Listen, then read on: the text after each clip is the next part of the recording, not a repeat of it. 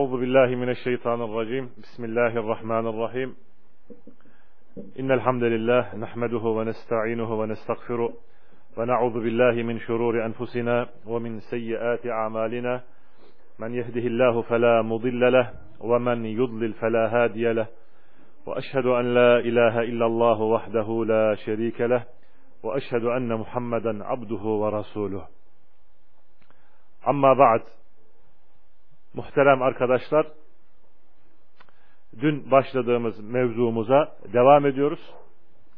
Bugün bu suikast ve patlatma olaylarının geride bıraktığı kötü izlere, kötü neticelere değinmek istiyoruz.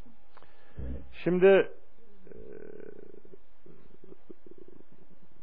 buna götüren sebepler var bu olaylara götüren sebepler var. Fakat bu sebepleri zikretmeden önce, bunları arz etmeden önce bu olayların sebebiyet verdiği kötü etkiler var. Biz önce bunları arz edeceğiz sizlere.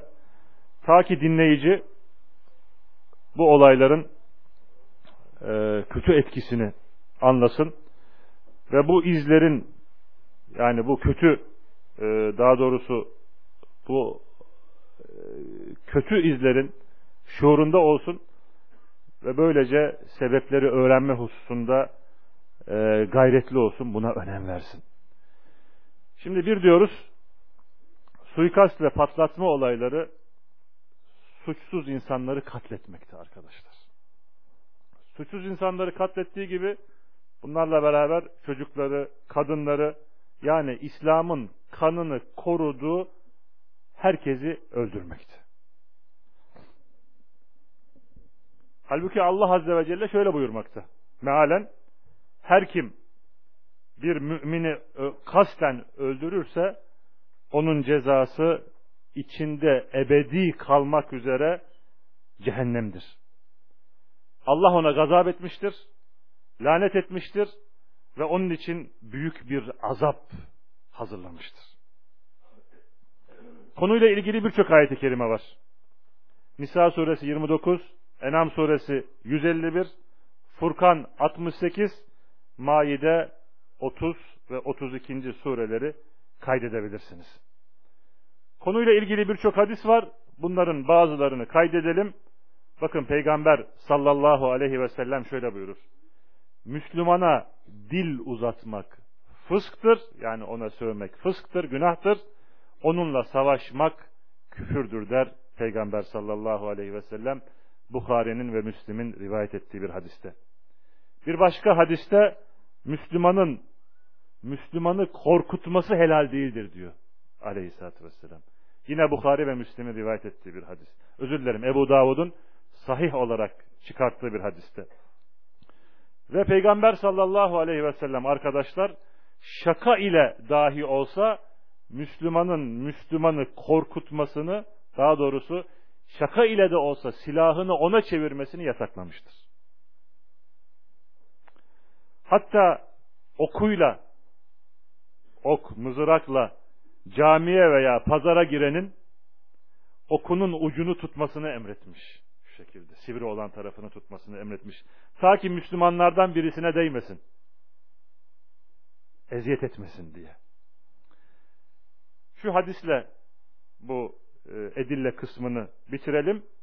Nesai'nin ve Tirmizi'nin sahih olarak rivayet ettikleri bir hadiste Allah Resulü sallallahu aleyhi ve sellem şöyle buyurur.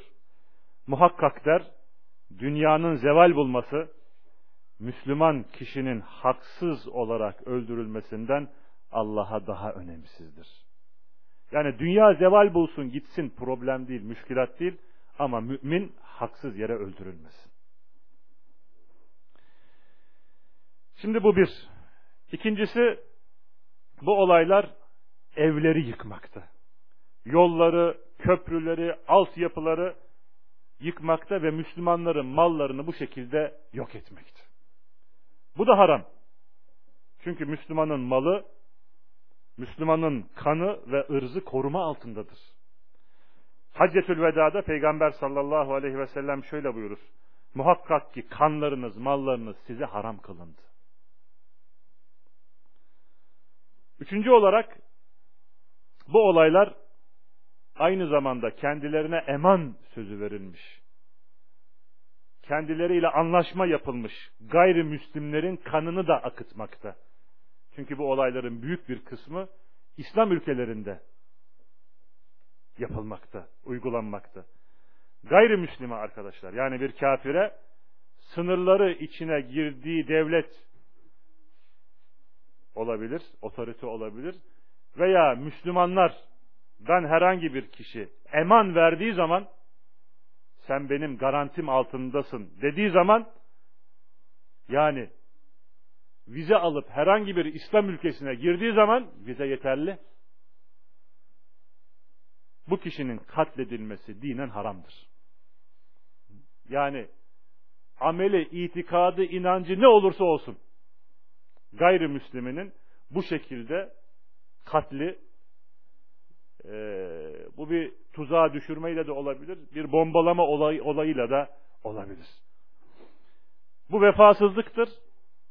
Bu ahde bağlı kalmamaktır, anlaşmaya bağlı kalmamaktır, ihanettir. Bakın Yüce Rabbimiz ne buyurmakta? Anlaşma yaptığınız zaman Allah'ın ahdini tam yerine getirin. Bir başka ayette de şöyle buyurmakta. Ahdi yerine getirin çünkü insan ahdinden sorulacaktır. Diğer taraftan Nisa suresi 92 nolu ayette Müslümanlarla gayrimüslimler arasında anlaşma olduğu zaman ve bu esnada bir Müslüman Müslüman olmayanı yanlışlıkla katlettiği, öldürdüğü zaman Yüce Rabbimiz diyet vermemizi hükme bağlıyor. Yanlışlıkla dahi öldürsen diyet vermen gerek. Bakın Peygamber sallallahu aleyhi ve sellem bunu açıklamakta. Ahmet'in müstedinde gelen sahih isnatlı bir rivayette şöyle buyurmakta aleyhissalatü vesselam. Kim bir kişinin gara, kanını garanti altına alırsa, sonradan onu öldürürse, ben katilden uzağım. Velev ki öldürülen kafir de olsa, buyurmakta aleyhissalatü vesselam. İslam'ın arkadaşlar ahde, anlaşmaya verdiği değer bu işte. Bazıları şöyle diyorlar şimdi. Bizler Müslüman ülkelere, Müslümanlara karşı savaş açan ve İslam ülkelerinde casusluk yapanlara karşı bu olayları icra ediyoruz. Mesela Amerikalılara karşı yahut diğerlerine karşı. Bir de Hristiyanlığa davet eden ve Müslümanları dinlerinden döndürmek isteyenler var. Mücadelemiz onlara karşı. Şimdi cevabımız şöyle. Sizin öldürdüğünüz, katlettiğiniz bu gayrimüslimlerin hepsi bu niyetle mi gelmişler acaba? O ülkeye. Yoksa aralarında diğerleri de mi var? Hem bunlar hem bunlar da mı var? O zaman burada ayırmamız gerekiyor. Biz ise toptan katlediyoruz. Eğer anlaşmayı bozdular diyelim. Yani niyetleri kötü ve fena. Art niyetle geldiler. Müslümanlara zarar verme niyetiyle ülkemize girdiler. Casusluk yapıyorlar ve Müslümanları dinlerinden döndürüyorlar. Yani anlaşmayı bozdular diyelim. Peki bu sebeple onlara ceza verecek olan bizler miyiz? Anlaşmayı bozmaları halinde cezayı verecek olan, haddi ikame edecek olan bizler miyiz? Yani halktan birisi mi cezalarını verecek? Yoksa bu idarecilere dönen bir hak mı arkadaşlar? Dolayısıyla bu idarecilerin hakkı olduğundan dolayı Müslümanın sınırını aşmaması gerekir. Eğer bu insanlardan yanlış bir şey gördüyse, bu insanlardan bir hainlik gördüyse gayrimüslimlerden, onun üzerine düşen gördüğünü, duyduğunu yöneticiye, güvenlik birimlerine bunu bildirmesidir, haber vermesidir. Bu şekilde mesuliyeti üzerinden atar. Eğer şöyle söylenirse, tamam yöneticilere biz bunu haber vereceğiz ama yöneticiler zaten üzerlerine düşen, düşen görevi yapmamaktalar. Bilakis yöneticiler bize karşı onlara yardım etmektedir. Cevap Allah insana taşıyacağından fazlasını yüklemez arkadaşlar. Ayette de geldiği gibi sen öğüt ver çünkü sen ancak öğüt verensin der Rabbimiz. Onların üzerinde zorlayıcı değilsin buyurur. Öğüt ver çünkü sen ancak öğüt verensin onların üzerinde zorlayıcı değilsin der Rabbimiz. Bizim vazifemiz bu. Tebliğ etmek ve öğüt vermek. Ama kuvvet kullanmaya gelince hiç şüphesiz bu bizim görevimiz değil. Bilakis kuvvetin kullanılması münkeri, kötülüğü, fitneyi ve fesadı azaltmıyor, bilakis çoğaltıyor, bela üzerine bela getiriyor.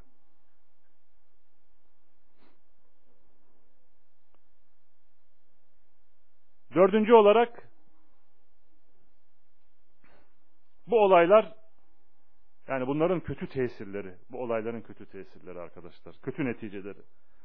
Bu olaylar yöneticilerle halkın arasını açıyor. İdarecilerle Müslüman halkın arasını açıyor. Araya soğukluk giriyor. Araya menfi düşünce giriyor. Belki de suçsuz insanlar bu yüzden gözaltına alınıyor. Kendilerine şüphe gözüyle bakılıyor. Onlara zulmetmeye kadar götürebiliyor bu. Aynı zamanda bu olaylar Müslüman ülkelerindeki yöneticilerin diğer ülkeler önünde heybetlerinin düşmesine sebebiyet veriyor. Dolayısıyla ülke içerisinde kargaşalık çıkıyor.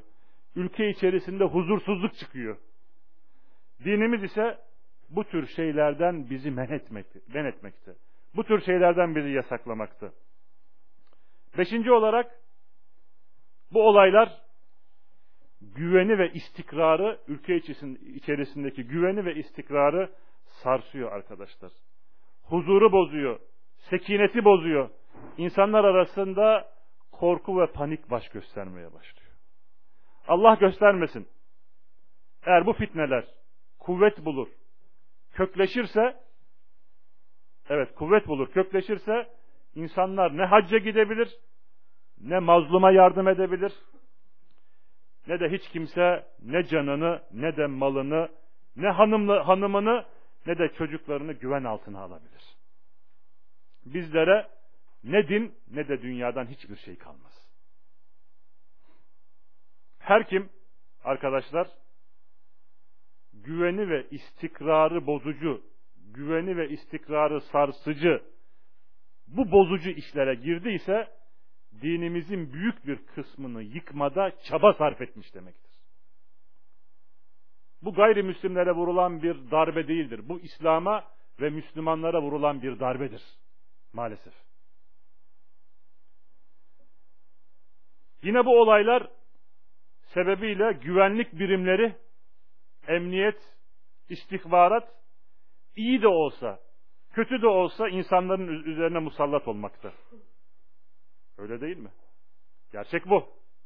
Çünkü fitne esnasında, kargaşa durumunda iyiyi kötüden ayırmak zordur. Ve Yüce Rabbimiz şöyle buyurmakta. وَاتَّقُوا fitneten وَاتَّقُوا fitneten la tusibennellezine zalemu minkum khassa. Öyle bir fitneden sakının ki o içinizden sadece zulmedenlere erişmekle kalmaz. O fitne herkese erişir umuma sirayet eder ve hepsini perişan eder. Dolayısıyla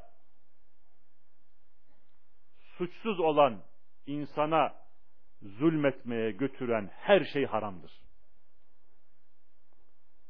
Bizler bu ameliyelerle yalnız ve yalnız Müslümanların zarar gördüğünü müşahede ediyoruz. Ve bu patlatma olayları da hiç şüphesiz suçsuz insanlara zulmetmeye götürmektir korkuya, endişeye yol açmakta. Bunlarla mücadele için İslam ülkeleri çok büyük bütçeler ayırmakta arkadaşlar. Altıncı olarak bu olaylar insanları İslam dininden alıkoymakta. İslam'a girmek isteyenleri ürkütmekte arkadaşlar. Doğu ile Batı ülkelerinde Allah'a daveti zayıflatmakta bu olaylar. Müslümanlar bu hak dine davet edeceklerine bütün güçlerini kendilerini müdafaa etmek için harcamaktadır. Buna rağmen düşmanları gayrimüslimler onlardan bunu kabul etmemekte. Çünkü karşı taraf senin temiz olduğuna bakmıyor. Karşı taraf senin suçsuz olduğuna bakmıyor. Onun gayesi senin karalanman, onun gayesi seni karalamak ve insanların senden bir şey almalarına mani olmak. Yayılan İslam'ın önüne bir engel çekmek. Şimdi bu ülkelerde yani İslam ülkelerinde ve diğer ülkelerde bu olaylar hem davetçileri hem de İslam'a olan daveti çokça zayıflatmış. Hem alimlerin hem de davetçilerin saygınlığını arkadaşlar düşürmüş. Mesela biz Avrupa'da yaşıyoruz. Haberleri seyrediyoruz. Medyayı takip ediyoruz. Gazete ve da, e, gazetelerde ve dergilerde alimleri, davetçileri şu şekilde tasvir ediyorlar.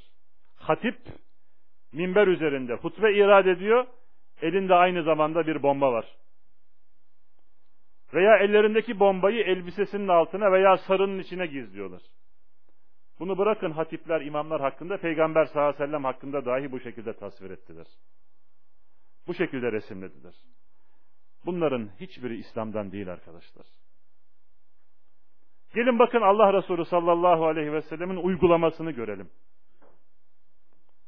Aleyhissalatu vesselam münafık olan Abdullah İbni Ubey İbni Selul'un eziyetine sabretmiş. Nerede? Mekke'de mi? Medine'de. Bu münafığın eziyetine tahammül göstermiş. Şöyle der ona o münafık. Allah'a yemin olsun ki, bakın, bu münafığın Allah Resulüne, daha doğrusu ona karşı bir tehdidi, ona onu ona sövmesi arkadaşlar. Ona karşı ağır laflar kullanması. Bakın şöyle diyor. Allah'a yemin olsun ki Medine'ye döndüğümüzde izzetli olan, zelil olanı oradan çıkartacaktır. Bunun üzerine ashab, sahabeler onu öldürme hususunda Allah Resulü'nden izin isterler. O izin isteyen kişiye onu bırak der. Yani onu öldürme, onu bırak. Sonra insanlar Muhammed ashabını öldürüyor diye konuşmasınlar. Hadisi Bukhari ve Müslim rivayet etmiştir. Şimdi Allah Resulü bu hadiste münafığın bu ağır sözlerine tahammül göstermiş. Aslında Peygamber sallallahu aleyhi ve selleme bu şekilde ağır konuşmak, ağır sözler sarf etmek, sövmek büyük küfür. Ameli bir küfür değil, büyük bir küfür. Ama buna rağmen Allah Resulü sallallahu aleyhi ve sellem davete bir zarar gelmesin. Bakın arkadaşlar. Davete bir zarar gelmesin. İnsanlar dine girmekten kaçınmasın. Yani kaçmasınlar. Müslümanların düşmanları bu olayı fırsat bilmesin. Demesinler bak Muhammed önce dinine kabul ediyor insanları sonra onları katlediyor. Dolayısıyla bütün bunlardan dolayı Allah Resulü sabretmiş. Tahammül göstermiş. Sırf davetin seyrini muhafaza etmek ve İslam'ın itibarını korumak için Allah Resulü sallallahu aleyhi ve sellem Allah'a küfreden, Resulüne söven bir nifak liderine karşı tahammül göstermiştir arkadaşlar. Acaba biz Allah'ı daha mı fazla tanıyoruz? Bu işleri yaparken. Acaba biz Allah'tan daha mı fazla korkuyoruz? Acaba biz Allah'ın sınırları hususunda Allah Resulü sallallahu aleyhi ve sellem'den daha mı fazla gayretliyiz? Allah'ın hudutları ve sınırları konusunda. Yedinci olarak, şimdi bu olaylar sebebiyle arkadaşlar içeride ve dışarıda İslam için fırsat bekleyenlere gün doğmakta. Ta ki alimler, ilim talipleri, davetçiler hakkında ileri geri konuşabilsinler. Ellerine bu fırsatı geçirenler. Onları terörist, kana doymazlar, güven düşmanları gibi bu vasıflarla nitelesinler. Ve bu olayların arkasında İslam ülkelerinin olduğu, İslam ülkelerindeki medreseler olduğu, üniversitelerin olduğunu söyleyerek İslam ülkelerine baskılar yaparak ders programlarını değiştirmeleri veya bu tür okulları kapatmaları hususunda onları zorlamaktalar arkadaşlar. Dış güçler. Yani bunun kaynağı sizin e, ülkelerinizdeki medreseler derler, üniversiteler derler. Ya ders programını değiştireceksiniz ya da bu üniversiteleri kapatacaksınız diyerekten baskı uygulanır. Bu Riyad'daki patlamaları duymuşsunuzdur. Riyad'daki bombalama olayları sebebiyle İslami okullar, medreseler, Kur'an kursları, üniversiteler aleyhinde çok şeyler söylenmiştir. Yani bu işlerin kaynağı bunlara sebebiyet veren şeylerin başında bunların geldiği söylenmiştir. Ta ki hem içeridekiler hem dışarıdakiler bu tür yerlerin kapatılmasını istemişlerdir. Riyad'dan bir alim Şeyh Salih el Fovzan bakın şöyle cevap verir. Bazı münafık ve cahiller der bu fikri Müslümanların okullarının oluşturduğunu zannetmektedirler. Onlara göre bu okuldaki programları onlara göre okulun programları bu sapkın fikirleri içermektedir der.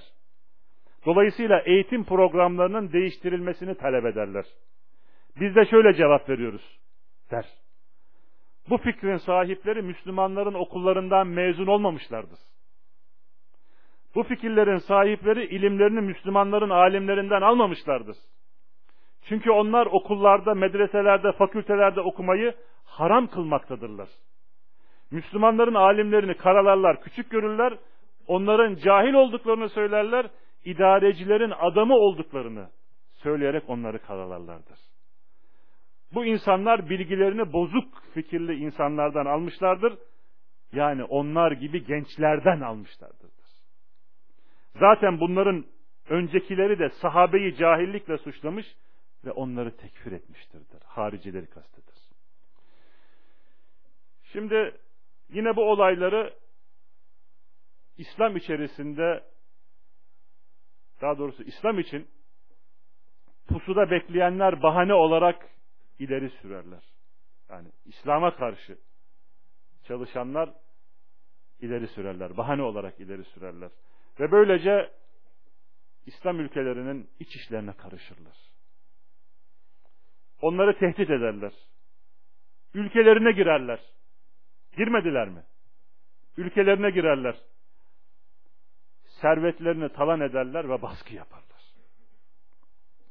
Sekizinci olarak bu olaylar arkadaşlar bahane edilir ve bu sebeple birçok İslam ülkesine baskılar yapılır ve hayır müesseseleri, cemiyetler, yardım kuruluşları kapatılır.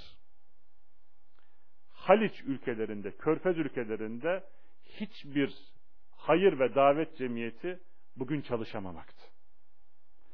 Fakir Afrika'ya ve Güney Asya'ya yapılan Körfez ülkelerinden yapılan yardımların hepsi durdurulur. Mescitler yarım kalır. Okullar bitirilemez. Yetimhaneler kapatılır. Afrika'da artık su kuyusu açan herhangi bir insan kalmaz. Bir zengin yoktur artık. Hepsine mani olunmuştur. Kısacası iyiliğin, hayrın ve davetin büyük ölçüde önü kesilir. Peki eskiden Müslümanların ulaştıkları bu yerlerde şimdi kim acaba ulaşmakta bu, bu tür yerlere? Bu tür yerlere kimler gitmekte? Bu tür yerlerde şu an mis misyonerler cirit atmakta arkadaşlar. Dokuzuncu olarak bu olaylar sebebiyle İslam aleminde ilim talipleri arasında cedelleşme başlar. İhtilaf dairesi daha da genişler. Kargaşa başlar küçükler, yeniler, gençler alimlere karşı terbiyesiz davranırlar. Bu yüzden birçok ilim terk edilir. İman zayıflar. Amel azalır. Cedel çoğalır. İnsanlar birbirlerinden şüphe duymaya başlarlar. Görüş ve hükümler birbiriyle karışır. Mescit minberleri, dersler, sohbetler, internet bütün bunlar için kullanılır. Hiç şüphesiz bütün bunlar Müslümanları asıl hedeflerinden saptırır ve böylece İslam'da kötü bir sünnet ihdas edilmiş olur. Maalesef. Aslında Yüce Rabbimiz şöyle buyurmaktadır. وَلَا تَنَازَعُوا فَتَفْشَلُوا وَتَذْهَبَ رِيحُكُمْ Birbirinizle çekişmeyin, sonra korkuya kapılırsınız da gücünüz, kuvvetiniz gider. Bütün bunlardan sonra bu şekilde düşünen gençlere tavsiyemiz şu.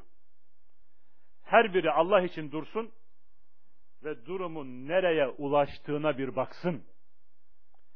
Kendilerine Kur'an, sünnet, seleften gelen rivayetler yetmiyorsa tarihi olaylara baksın, günümüze baksın ve bunlardan ibret alsın. Ve şu kötü neticelere bir baksın. Çünkü insanlar geriye bıraktıkları izlerle tanınırlar arkadaşlar. Şimdi bu yıkıcı ve kargaşa çıkartıcı fikirlerin kötü neticeleri nerede? Bir de buna mukabil tekfir ettikleri, kralın adamı dedikleri Şeyh Abdülaziz bin Baz veya mürciye dedikleri asrın müceddidi Şeyh Muhammed Nasuruddin Albani'nin geriye bıraktığı izler nerede? Onlar ne geriye ne bıraktı ve alimler ne bıraktı geriye? Aradaki fark gece ile gündüzün arasındaki fark gibi. Rabbani ulemanın daveti birçok ülkeye girmiş, ilim ve davet merkezleri açılmış, üniversiteler kurulmuş, hayır cemiyetleri tesis edilmiş. Bu davetin sebebiyle birçok insan İslam'a girmiş. Kütüphaneler, kitap evleri, sünnet, kütüphaneler ve kitap evleri sünnet ve tevhid kitaplarıyla dolmuş. İnsanlar sünneti öğrenmişler. Tevhidi hakikatiyle bilmişler. Şirk ve bidattan sakınmışlar ve sakındırmışlar. Ama selefin yolunda seyretmeyenlerin yaptıkları maalesef bu hayrı, bu bereketi silip yok etmekti. Arkadaşlar, bu acı neticeler bizlere ilim ehlinin, büyük alimlerin yöntemlerinin doğru olduğunu bizlere kanıtlamakta. Hadiste bakın Peygamber sallallahu aleyhi ve sellem bunu şu şekilde açıklar. El bereketu ma'a ekabirikum. Bereket ve hayır büyüklerinizle beraberdir der. Bu sahih bir hadistir. Bu aynı zaman tecrübeyle de sahihtir. Ve Yüce Allah herkesi doğruya ve aklı serim davranmaya hidayet etsin ve bizleri fitneden ve sapmadan korusun. Şimdi bu kötü neticelerden sonra suikast ve patlatma olaylarının sebepleri üzerinde durmak istiyoruz. Şimdi her müşkilatın bir sebebi var arkadaşlar. Bu müşkilatın vücut bulmasında ve içinden çıkılmaz hale gelmesinde ne yapıyor? Bu rol oynuyor. Eğer tedavi etmek istiyorsak, eğer ıslah etmek istiyorsak sebeplerin de bilinmesi gerekir. Ve bu müşkilatların sebepleri ülkeden ülkeye değişmekte, cemaatten cemaate, zamandan zamana ve şahıstan şahısa da değişebilmekte. Ama yine bunların müşterek ve ortak sebepleri var. Bu sebeplerin belli başlıcaları şunlar. Neden bu olaylar oldu? Buna sebebiyet veren neydi ki gençler bu şekilde davrandılar? Bir, Allah'ın kitabını Peygamber sallallahu aleyhi ve sellemin sünnetini bilmeme. Tekfirin hükümlerini, tekfirin kurallarını ve selefin bu husustaki yönteminden cahil kalma. Bilinmiyor. Tekfirin hükümlerini bilmiyor arkadaşlar. Kurallarını da bilmiyorlar. Yani dinin maksatlarından cahil kalma. Bütün bunlarla birlikte iştihada ehil olmamalarına rağmen iştihad etmeleri. Hüküm çıkarmaları bunca musibet ve bunca belayı İslam ülkelerinin ve halklarının başına getirmeleri. Dini kuralları bilmemeleri, maslahatı ve mefsedeyi göz önüne almamaları, olaylara hissi, atifi ve hamasetle bakmaları. Eğer birisi şöyle derse, yani bu patlatma olaylarına cevaz verenler, bunun fetvasını verenler, buna teşvik eden insanlar da ilim sahibidir. Bunların da ezberi vardır. Bunlar da kitap yazmışlardır. Derlerse şöyle cevap veririz. Olabilir. Ama ezberle anlayış arasında muhakkak fark var. Ezber anlayışın doğru olduğuna dair bir delil değil. Yani her ezbere bilen anlıyor manasına gelmez. Sonra kişinin Kur'an'ı ve sünneti bilmesi dinin her cüz'ünü bilmesi manasına da gelmez. Özellikle özellikle bizlerin nevazil dedikleri dediğimiz nevazil yani büyük olaylar vuku bulduğunda bu konularda fetva verecek olanlar büyük alimlerdir arkadaşlar. Nevazil hususunda büyük olaylar vuku bulduğunda fetva verecek olanlar doktorlar ve mühendisler değil. Aynı şekilde haricilerin de Kur'an ezberi vardı. Hariciler Kur'an ezbere bilmiyorlar mıydı? Onlar da ibadetle ibadette gayretli gayretleri vardı ve itaatte çalışkan insanlardı. Ama buna rağmen dinin hakikatini anlayamadılar. Allah Resulü sallallahu aleyhi ve sellem onlar hakkında e, ateş ehlinin köpekleri vasfında bulundu. O şekilde vasfetti. Ateş ehlinin köpekleri. Neden? Sahabenin fehminden ayrıldılar. Okudukları Kur'an kalplerine girmedi. Yani Kur'an'ı Allah ve Resulünün murad etmediği biçimde anladılar. Allah ve Resulünün murad ettiği şekilde anlamadılar. Şimdi bir de şöyle diyorlar bakın. Yani maslahat ve mefsedeyi doğru göz önüne almak lazım. Karı ve zararı hesap etmek lazım. Bu doğrudur. Ama bizim yaptığımız bu olaylar zarar vermiyor aslında. Biz zarar verdiğine inanmıyoruz. Bilakis durum sizin söylediğinizin tam tersine. Zarar yok. Bilakis tam tersi. Buna cevap şöyle şöyledir arkadaşlar. Şimdi gerçi bununla ilgili e, bir mukaddimede bulunduk. Bazı şeyler size sunduk. Ama şunları da ilave edebiliriz. Bu iddianızı ispat etmeniz gerekir. Bu bir. Çünkü bu olayların kötü izleri ve kötü neticeleri gözümüzün önündedir. Biz her gün bunun kötü neticelerini duymaktayız ve görmekteyiz. Alimler şöyle derler. Bir kargaşa yaklaştığı zaman, bir kargaşa, bir fitne yaklaştığı zaman bunu alimler bilir. Yalnız alimler bilir. Gittikten sonra da insanların hepsi yahut çoğu bilebilir. Ama fitne geldiği zaman bunu insanlar bilemez.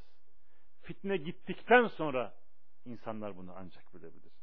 Şimdi birisi çıkıp şöyle dese, yüzlerce, binlerce suçsuz Müslümanın öldürülmesinde hem İslam için hem Müslümanlar için büyük hayırlar vardır dese, veya Afganistan'ın, Irak'ın düşmesinde, Somali'nin düşmesinde büyük faydalar vardır dese. Çünkü biz oralarda İslam devletini kuracağız deseler. Bu sözler ne kadar inandırıcı olur arkadaşlar. Bu olaylar sebebiyle yüz binlerce insan Müslüman öldürülmüştür. Ülkeler işgal edilmiştir. Bunun neresinde hayır var? Bunun neresinde maslahat var? Avrupa'daki patlatma olaylarında Müslümanların çıkarı ne olmuştur acaba? Bu fikirlerin neticesi ortadadır. Cezayir, Fas, Mısır, Yemen, Suudi Arabistan, Kuveyt, Somali gibi ülkelerde cereyan eden, olay, cereyan eden olaylar acaba Müslümanlara ne kazandırdı?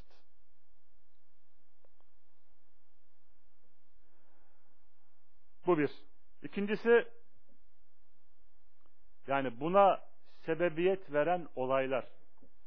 Dedik gençlerin Kur'an'ı ve sünneti bilmemeleri, anlamamaları, ehli sünnetin yöntemini bu hususta terk etmeleri, alimlerin yolundan çıkmaları dedik. İkinci olarak Müslüman ülkelerde arkadaşlar bu bir gerçek Allah'ın indirdiğiyle e, hükmedilmemesi sebebiyle Allah'ın hükümleriyle hükmedilmemesi sebebiyle bunu değiştirmeyen, bunu değiştirmek isteyen gençler, özür dilerim, bunu değiştirmek isteyen gençler bu yanlış yola iltica ettiler.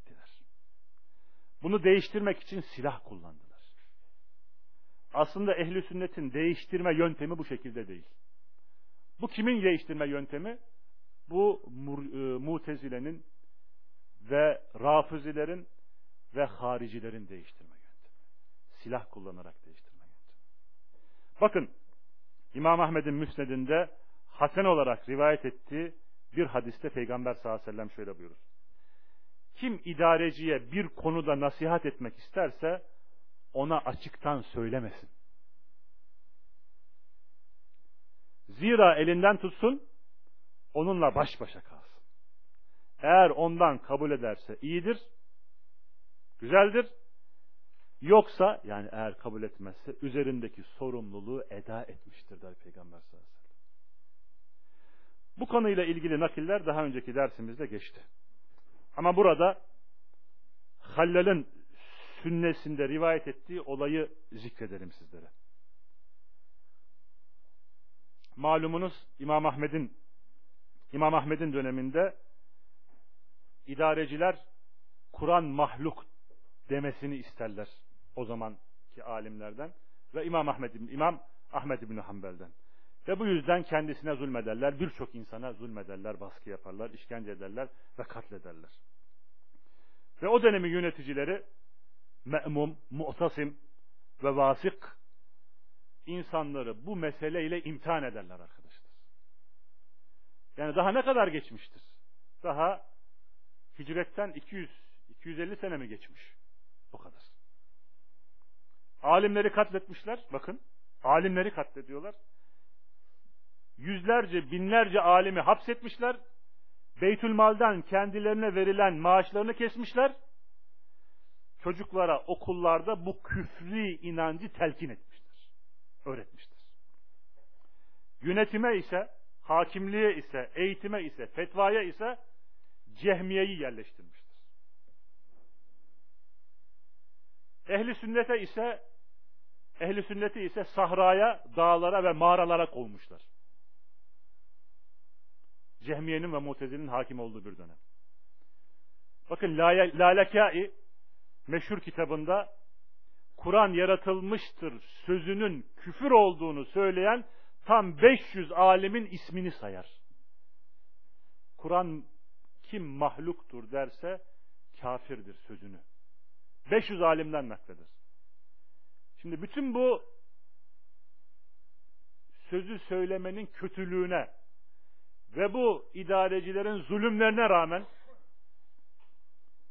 İmam Ahmed'e insanlar gelir.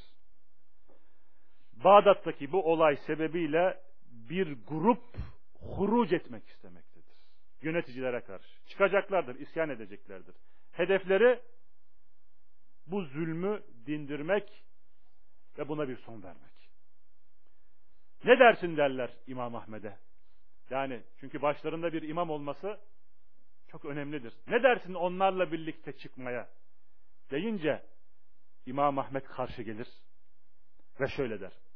Subhanallah der. Kandan başka bir şey görmüyorum. Eğer huruc olursa insanların malları helal kılınır. Mahremlerine tecavüz edilir. Fitne zamanında insanların nasıl olduğunu bilmedin mi der.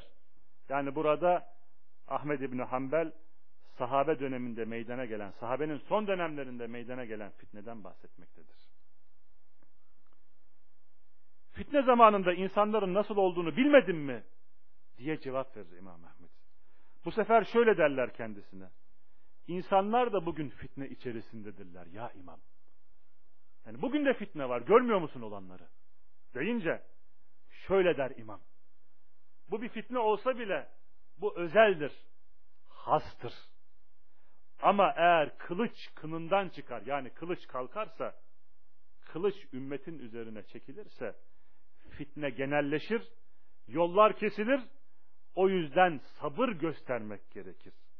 Böylece dinin selamet bulur ve bu senin için de daha hayırlıdır der. Bu Rabbani alemin cevabı buydur. Bu olaylara götüren bir başka sebep de arkadaşlar, yeryüzünde güç ve kuvvet sahibi olmadaki kevni sünnetleri bilmeme bundan cahil kalma. Bu da ancak kafirin küfrüne, zulmüne, özür dilerim, kafirin zulmüne sabretmekle gerçekleşir. Peygamber sallallahu aleyhi ve sellem müşriklerin Mekke'deki eziyetlerine sabretmiş. Medine'deki münafıklara dahi devlet kurulduktan sonra ta ki bir fitneye daha kötü bir hale e, götürmesin diye sabır ve tahammül göstermiş. Nasıl olur da bizler Müslümanlardan gelen eziyetlere sabır göstermeyiz? Dördüncü olarak bu e, yanlış fikre götüren bir başka etken, bir başka sebep büyük İslam alimlerini karalamak, onların idarecilerin alimleri olduklarını söylemek, kula kul olduklarını, kula kulluk yaptıklarını, güncel olaylardan haberleri olmadıklarını, yüzeysel olduklarını, hayız ve nifas alimleri oldukları gibi ithamlarla onları karalamak. Tabi bu şekilde alimleri karalamak onların itibarını düşürür ve bu şekilde insanlar onlardan yüz çevirirler ve onlara dönüp dini konularda bir merci olarak onları görmezler. İbn Mübarek'in şöyle hikmetli bir sözü var. Şöyle der. Kim der alimleri hakir görürse ahireti gider. Kim de yöneticileri küçük görürse dünyası gider. Kim de arkadaşlarına önem vermezse murueti yani mertliği giderdir. Yiğitliği giderdir.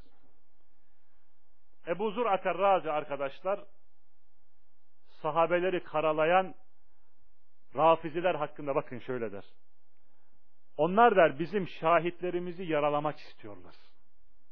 Ta ki kitap ve sünneti geçersiz kılsınlar. Çünkü sahabeye sövüldüğü zaman, sahabe karalandığı zaman sahabenin taşıdığı sünnetin de bir önemi kalmaz. Hedef sahabe değildir, hedef dindir.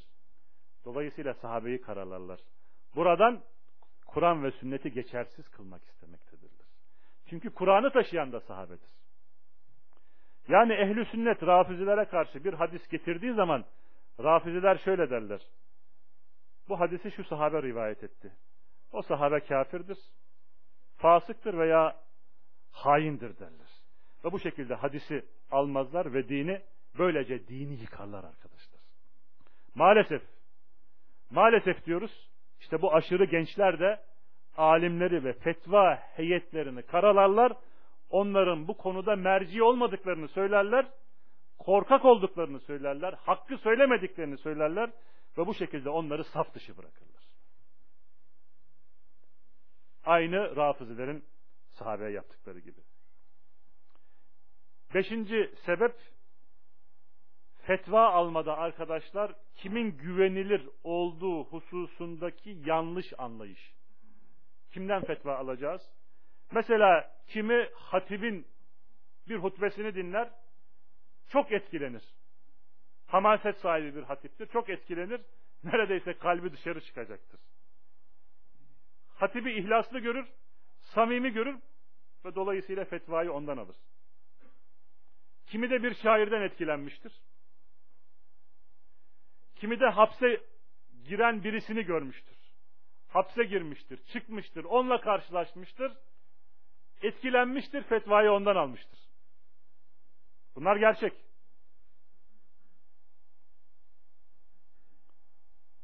Altıncı sebep, bazı alimler ve davetçiler maalesef ilk etapta işin başında bu fikri ve bu fikrin şüphelerini çürütmede gayret göstermemiştir. Başkaları yeter, diyerek, eldeki kitaplar yeter diyerek e, buna pek fazla gayret göstermemişler. Davetle ve ilimle iştigal etmişler. Bu da bir sebep. Yedinci sebep, emniyet birimlerinin, polisin veya hapishanedeki görevlerin davetçilere yani hapishaneye alınan, gözaltına alınan davetçilere ve hapishanedeki alimlere karşı sert ve kötü muamelede bulunmaları. Bazı ülkelerde ise e, zulmediyorlar. Bazı ülkelerde büyük eziyetler çektiriyorlar. Ve Allah'a dahi küfrettikleri oluyor. Bazı ülkelerde. Tabi bu şeyler gençleri intikam almaya sevk arkadaşlar. Hapisten çıktıktan sonra kendilerine yapılan bu e, şeylere, bu zulümlere kat ve kat fazlasıyla karşılık vermiştir. Sekizinci sebep gençlerin aceleci davranmaları. Davranışlarındaki şiddet. Bunu da sebep olarak gösterebiliriz. Öyle ki gençler diğerlerine oturan gözüyle bakmışlar. Mesela alimlere. İhmalkar gözüyle bakmışlar. Kendilerinin ise kendilerine ise Allah'ın emrini yerine getiren, iyiliği emreden, kötülükten alıkoyan ve tağutlara karşı mücadele veren olarak görmüşler kendilerini. Bir başka sebep gençleri yanlış bir şekilde tutucu olarak, fanatik olarak ve devrimci olarak terbiye etmek, yetiştirmek.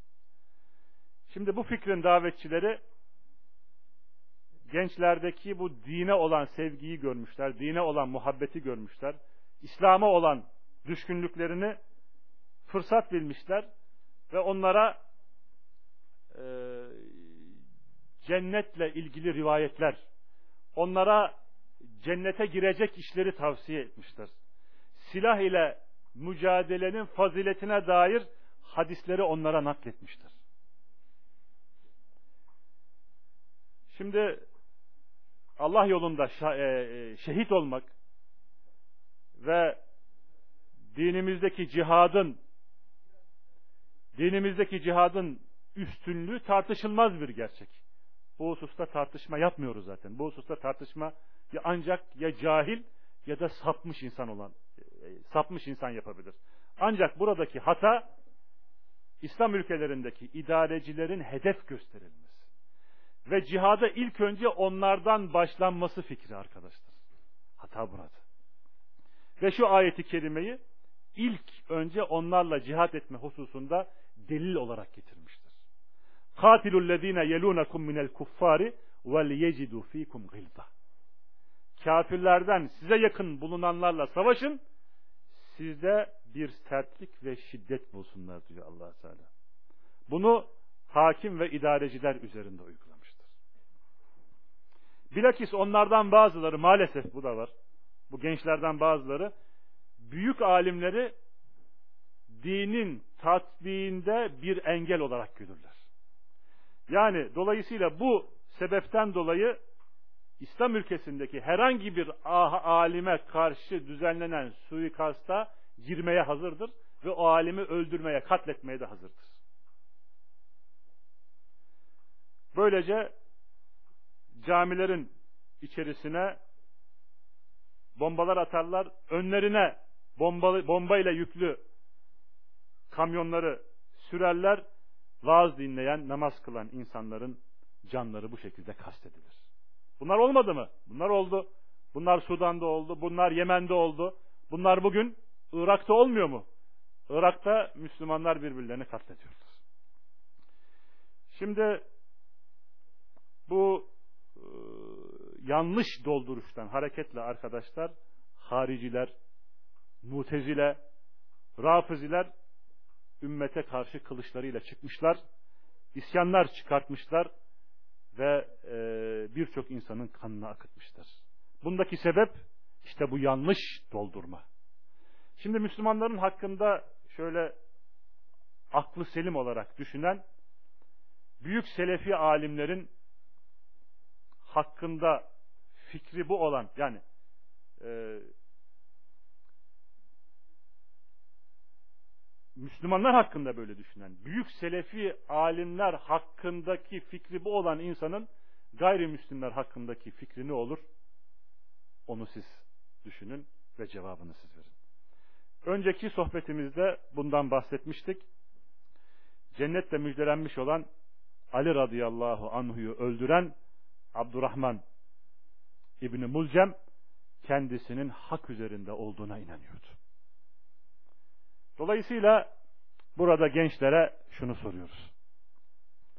Acaba Ahmet İbni Hanbel ehli sünnetin o büyük imamı bu yolu mu takip etti? Dönemindeki kargaşa ve fitne esnasında zihinleri cihatla ilgili hadislerle mi doldurdu? Yoksa insanları bu tür hareketlerden sakındırdı mı? İbn Teymiye, Cehmiye'nin, Muattile'nin, zındık batınilerin birçok İslam ülkesine musallat olduğu o dönemde kışkırtma yöntemine mi başvurdu acaba? Yoksa dini kurallar çerçevesinde mi hareket etti? Nedir bu dini kurallar? Sorumluluk güç yetirebilme nispetindedir. Ne kadar gücün kuvvetin varsa o kadar sorumlusun. Gücün yetmediği, gücünün yetmediği şeyde sorumlu ve yükümlü değilsin. Bu birinci kural. İkinci kural, fayda ve zararları göz önünde bulundurmanın gerekliliği. Şimdi istisna ve detaylara girmeden bütün İslam ülkelerindeki yöneticilerin kafir olduğunu farz etsek dahi bu fitne ateşini alevlendirmemeli arkadaşlar. Bu hususta selefin yolu takip edilmeli. Dolayısıyla gençlere buradan sesleniyor ve bu zararlı yolu terk etmelerini ve selefin yönü, yöntemini takip eden alimler kafilesine girmelerini tavsiye ediyoruz. Cihadın dindeki yerine ancak ve ancak cahil olan veya buna karşı olanlar inkar eder. Ancak cihadın da şartları vardır. Cihadın da kuralları vardır. Bu hususta ümmetin büyüklerine, ümmetin Rabbani alimlerine rucu etmek gerekir. Biz diğer ibadetler için de bunu söylüyoruz. Tek başına arkadaşlar ihlas yetmemekte. Yani bu fikrin davetçilerinin ihlası, samimiyeti seni sakın aldatmasın. Bunlara aldanma. Çünkü haricilerden de çok ibadet edenler vardı. Yok muydu? Onların içerisinde de çok züht sahibi insanlar vardı. Ama bununla beraber dalalette idiler. Bununla beraber sapmışlardı. Bakın Şeyhülislam şöyle der. Şeytan der, bunu en fazla iyiliği emretme ve kötülükten alıkoyma şeklinde gösterir. Allah yolunda cihad etmek şeklinde tasvir eder. Ama bu hakikatte zulüm ve düşmanlıktır.